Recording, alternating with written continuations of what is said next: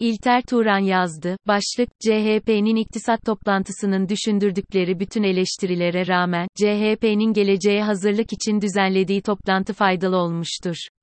İktidarın ve bir kısım muhalefetin eleştirilerinin bazılarına gülmek, bazılarını ciddiye almamak, bir kısmı üzerinde düşünerek onlardan yararlanmak doğru olacaktır. Şu ana kadar önde gelen muhalefeti temsil eden altılı masa, göreve gelmeleri halinde nasıl bir anayasa değişikliği getirmek istedikleri üzerinde çalıştı. Kısa bir süre önce de anayasa taslaklarını kamuoyuna açıkladılar. Bu girişimin küçümsenmemesi gerekir. Bizde 1924 sonrası en kapsamlı anayasa değişiklikleri askeri müdahalelerden sonra yapılmıştır. İlk defa, yürürlükte olan anayasanın demokratik yönetim, denge ve denetleme sistemi ve her şeyin tek bir kişinin iradesine denetimsiz biçimde teslim edilmesi yönünden ağır sorunlar yarattığı üzerinde mevcut bir siyasi partiler grubu anlaşmış bulunuyor ve yeterli çoğunluğu sağlayarak anayasayı değiştirmeye talip oluyor. Bu topluluğun seçimler sonucu anayasayı değiştirecek bir sayısal çoğunluğu elde etmesi kolay olmayacaktır. Ancak iktidar partisi bir yandan başkanlığı, diğer yandan parlamentodaki çoğunluğunu kaybederse, belki ortaya çıkacak yeni durumda anayasayı değiştirerek, halkın onayına sunabilecek bir oy bileşimi oluşabilir. Serin kanlı siyasi tahlil yapanlar, ülkenin şu anda yaşadığı iktisadi güçlükler yanında iç ve dış siyaset sıkıntılarının altında denge ve denetimden yoksun tek kişi egemenliğinin yattığı üzerinde ittifak edebilirlerse de hayatın zorluklarını aşmaya çalışan geniş seçmen kitlesinin süregelen enflasyon sonucu yaşadığı fakirleşmeyi durduracak, mali refahını arttıracak bir iktidar arayışı içindedir. Dolayısıyla, seçmenin karşısına sadece toplumu daha demokratik, daha istikrarlı yapacağı vaat edilen bir anayasa taslağı ile çıkmak tatmin edici ve özellikle seçim kazandırıcı bulunmayacaktır. Bunun ötesinde bir şeyler yapılması gerek. Görebildiğim kadar, bu konuda da altılı masa bazı adımlar atmaya başladı. Nasıl bir yönetim biçimi oluşturulacağı konusunda açıklamalar yapılıyor. Ben olsaydım, bir de ilk yüz günde neler yapacağız biçiminde kısa vadede atılacak adımları sıralayan bir belge oluşturur ve onu kamuoyuyla paylaşırdım. Fakat, bunun ötesinde bir de gelecek için nasıl bir vizyon öngörülüyor, bunun üzerinde çalışılması insanların hem bugünkünden farklı bir gelecek tahayyül edebilmeleri, hem de o geleceğe götürecek bir çerçeveye sahip olunması bakımından önem taşıyor. Cumhuriyet Halk Partisi'nin geçtiğimiz hafta sonunda düzenlediği ekonomiyi konu edinen toplantı, bugünkünden farklı bir geleceği inşa etmek için nasıl bir çerçeve oluşturulacağını belirlemek ve nasıl ilerlemek gerektiğini düşünmek bakımından teşvik edici olmuştur.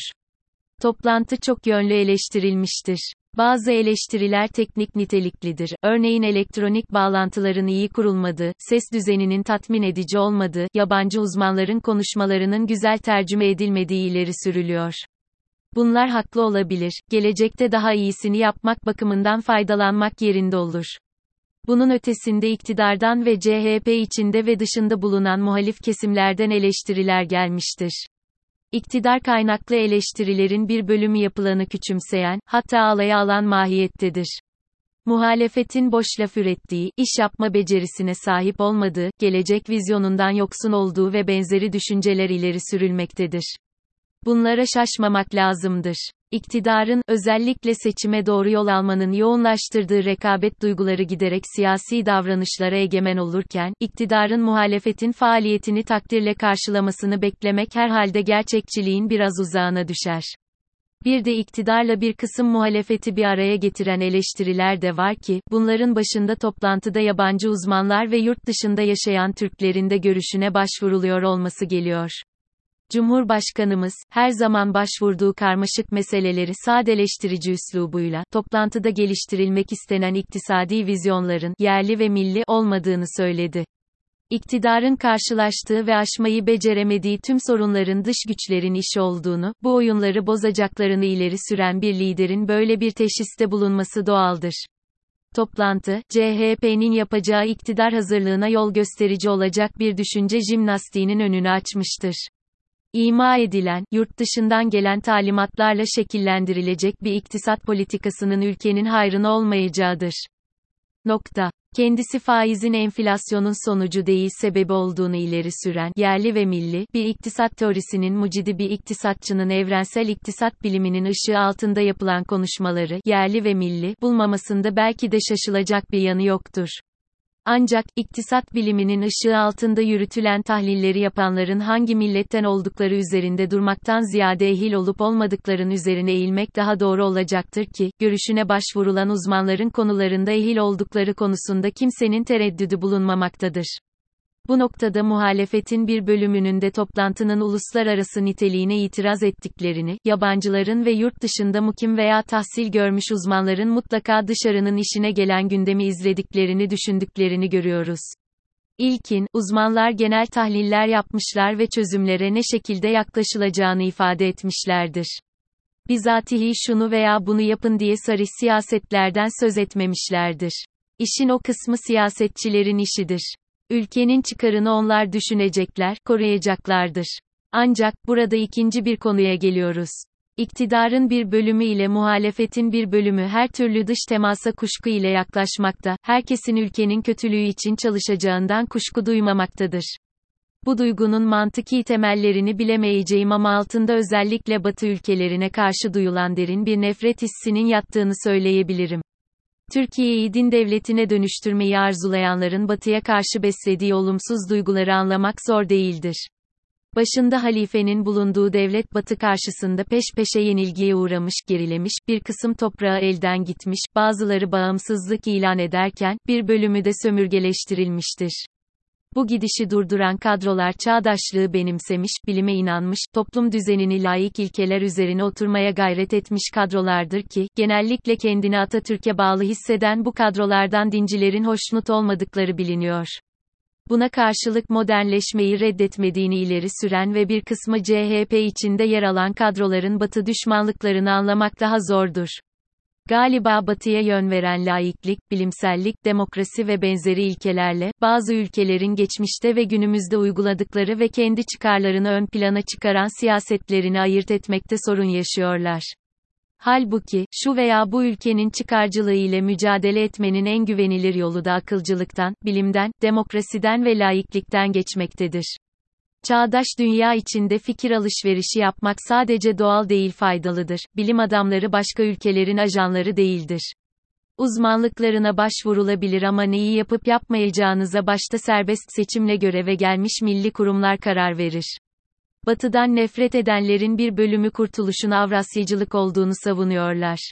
Bu kavram oldukça bulanık, baş savunucusu Dugin, Rusya'nın Avrasya'ya tahakküm etmesini düşleyen bir yazar.